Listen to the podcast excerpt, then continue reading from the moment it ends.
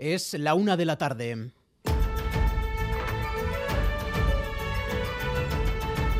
Crónica de Euskadi con Imanol Manterola. A Rachaldeón dice que se dejará la piel para lograr un acuerdo en torno a la ley del solo sí es sí con el Partido Socialista, pero advierte de que ella ha cedido ya bastante.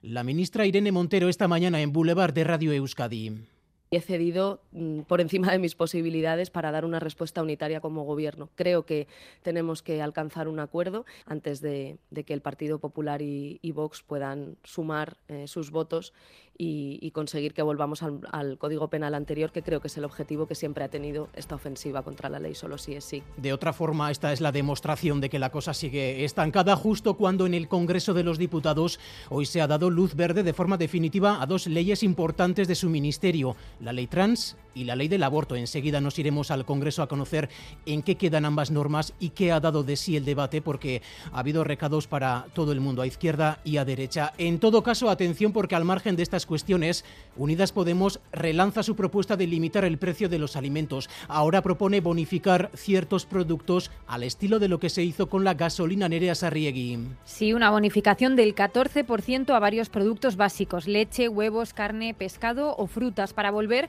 a los precios previos a la guerra. La idea de Unidas Podemos es repetir en los supermercados lo que se hacía en las gasolineras. El descuento se aplicaría en caja al pagar. Proponen sanciones para las empresas que no cumplan, pero de entrada el PSOE no ve, con buenos ojos la medida. La rebaja del IVA, dicen, funciona y esta propuesta es inviable. Y en pleno debate sobre los beneficios de la banca, hoy hemos conocido los resultados, en este caso, de una gran energética Repsol 2022 ha sido el segundo mejor año de su historia, Rodrigo Manero. Sí, Repsol ganó el año pasado más de 4.200 millones de euros, que es un 70% más que el año anterior. Es su segundo mejor resultado histórico y se ha dado en medio de la crisis energética que provocó la invasión de Ucrania con el gas, el petróleo y las gasolinas disparadas. Aún así, la compañía dice que aún no ha cubierto las pérdidas que tuvo con la pandemia e insiste en considerar injusto el nuevo impuesto sobre beneficios extraordinarios de banca y energéticas y por el que tendrá que pagar 450 millones.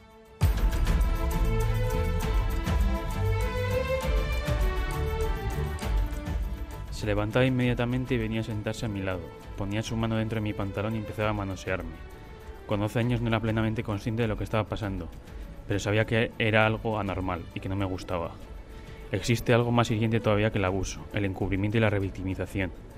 La Iglesia debería encargarse de atenuar el dolor que producen estos delitos y más siendo la cara visible del buenismo y del cristianismo.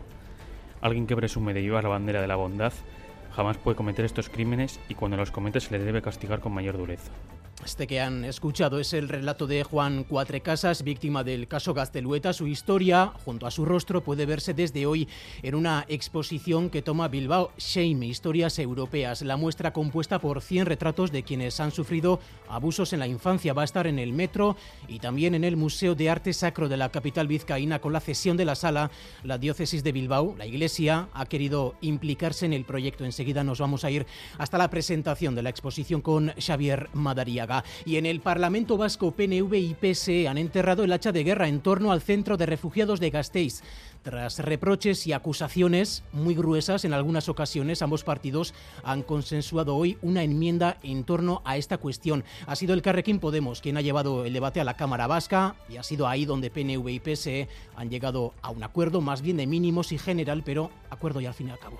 El modelo vasco, el modelo vasco que es un modelo vasco, un modelo que se encuadra en el marco del Pacto Social Vasco para la Inmigración, porque es el lugar del que nunca nos hemos marchado. Y claro que existe un modelo eh, en Euskadi de acogida, claro que existe. Es el modelo internacional, el modelo de la Unión Europea, en Euskadi, en Cataluña y en Francia. Escuchábamos a Joseba Díez del PNV, Charlie Prieto del Partido Socialista de Euskadi. Este día 16 de febrero jueves que tiene además apellido, Ostegun.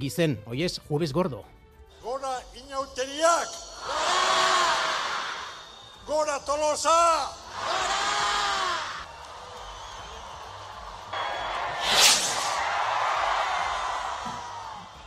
Pues a las 12 en punto se ha lanzado el chupinazo que ha dado inicio a la gran fiesta que celebra Tolosa estos días. Allí en Tolosa, Laida Basurto, Arracha León. León con sus chilabas y buzos y siguiendo ahora mismo a la charanga. Los tolosarras ya están de carnaval con su nariz roja. Pachi Elosegui, de 91 años, organizador cultural al que acaban de escuchar, ha sido el encargado de lanzar ese chupinazo en la Plaza Zarra, una plaza abarrotada de gente. Por delante, una semana entera de carrozas, humor y buen ambiente aquí en Tolosa. Ambientazo en Tolosa a esta hora. A lo largo de esta crónica de Euskadi vamos a volver a, la localidad guipuzcoana, Tolosa, a conocer, a vivir estas primeras horas de fiesta de los carnavales. En página cultural, la editorial Arriet ha presentado Feroz, el nuevo cómic de Arriet, Alex Macho y Garluk. Se trata de un thriller medioambiental inspirado en hechos reales y ambientado en la frontera oriental de Rusia, donde chinos y rusos hacen negocio con el tráfico de la madera. Ni las brigadas forestales, ni la mafia, ni los grupos ecologistas estarán a salvo cuando el tigre siberiano salga a la caza del hombre. Gregorio Muro Arriet, director de la editorial y guionista del cómic Anker Feroz eh, es un thriller pues parecido a Tiburón, pero en Siberia y con otro bicho que come personas. Y sobre todo el tema principal es el medio ambiente y la ecología y el tigre este que aparece en la historia es un poco la, digamos, la representación de la naturaleza que eh, la estamos agrediendo y se vuelve contra nosotros. Vamos ahora con los titulares del deporte. Álvaro Fernández Cadierno, Arrachaldeón. Hola Arrachaldeón, con André Losegui que ha puesto punto final este mediodía en Donostia, 17 años como piragüista de élite con cuatro Juegos Olímpicos y cinco medallas en mundiales y europeos y también con baloncesto comienza hoy la Copa CB con ese Madrid Unicaja y Barcelona Valencia Básquet. Mañana turno para Basconia. Tenemos asimismo partidos de Liga Femenina, Gran Canaria, Araski, Euskotren y DK Barcelona, Zaragoza, Guernica. Seguimos con tiempo soleado y estable, eso sí, la entrada del viento norte ha hecho que desciendan ligeramente las temperaturas respecto a ayer, sobre todo en la costa. A esta hora tenemos 16 grados en Donostia, 15 en Bilbao y en Bayona, 10 en Iruña y 9 grados en Vitoria-Gasteiz.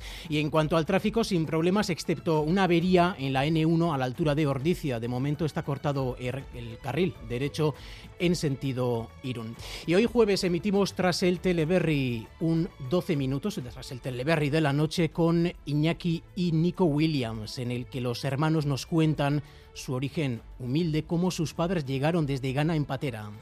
Apuros sí, nunca nos ha faltado comida en el plato, pero sí que es cierto pues que eh, situaciones económicas eh, eran extremas, eh, íbamos, vivíamos al día, eh, hemos tenido momentos en el cual no se ha podido pagar la luz, no se ha podido pagar el agua, eh, llegar a casa y que no, que no hubiese luz, no, que mi madre verla llorando porque no podíamos pagar la letra de, de, la casa.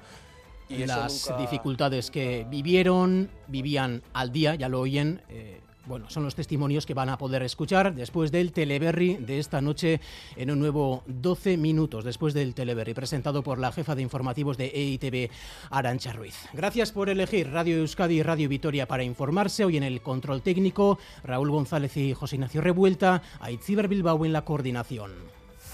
Crónica de Euskadi con Imanol Manterola.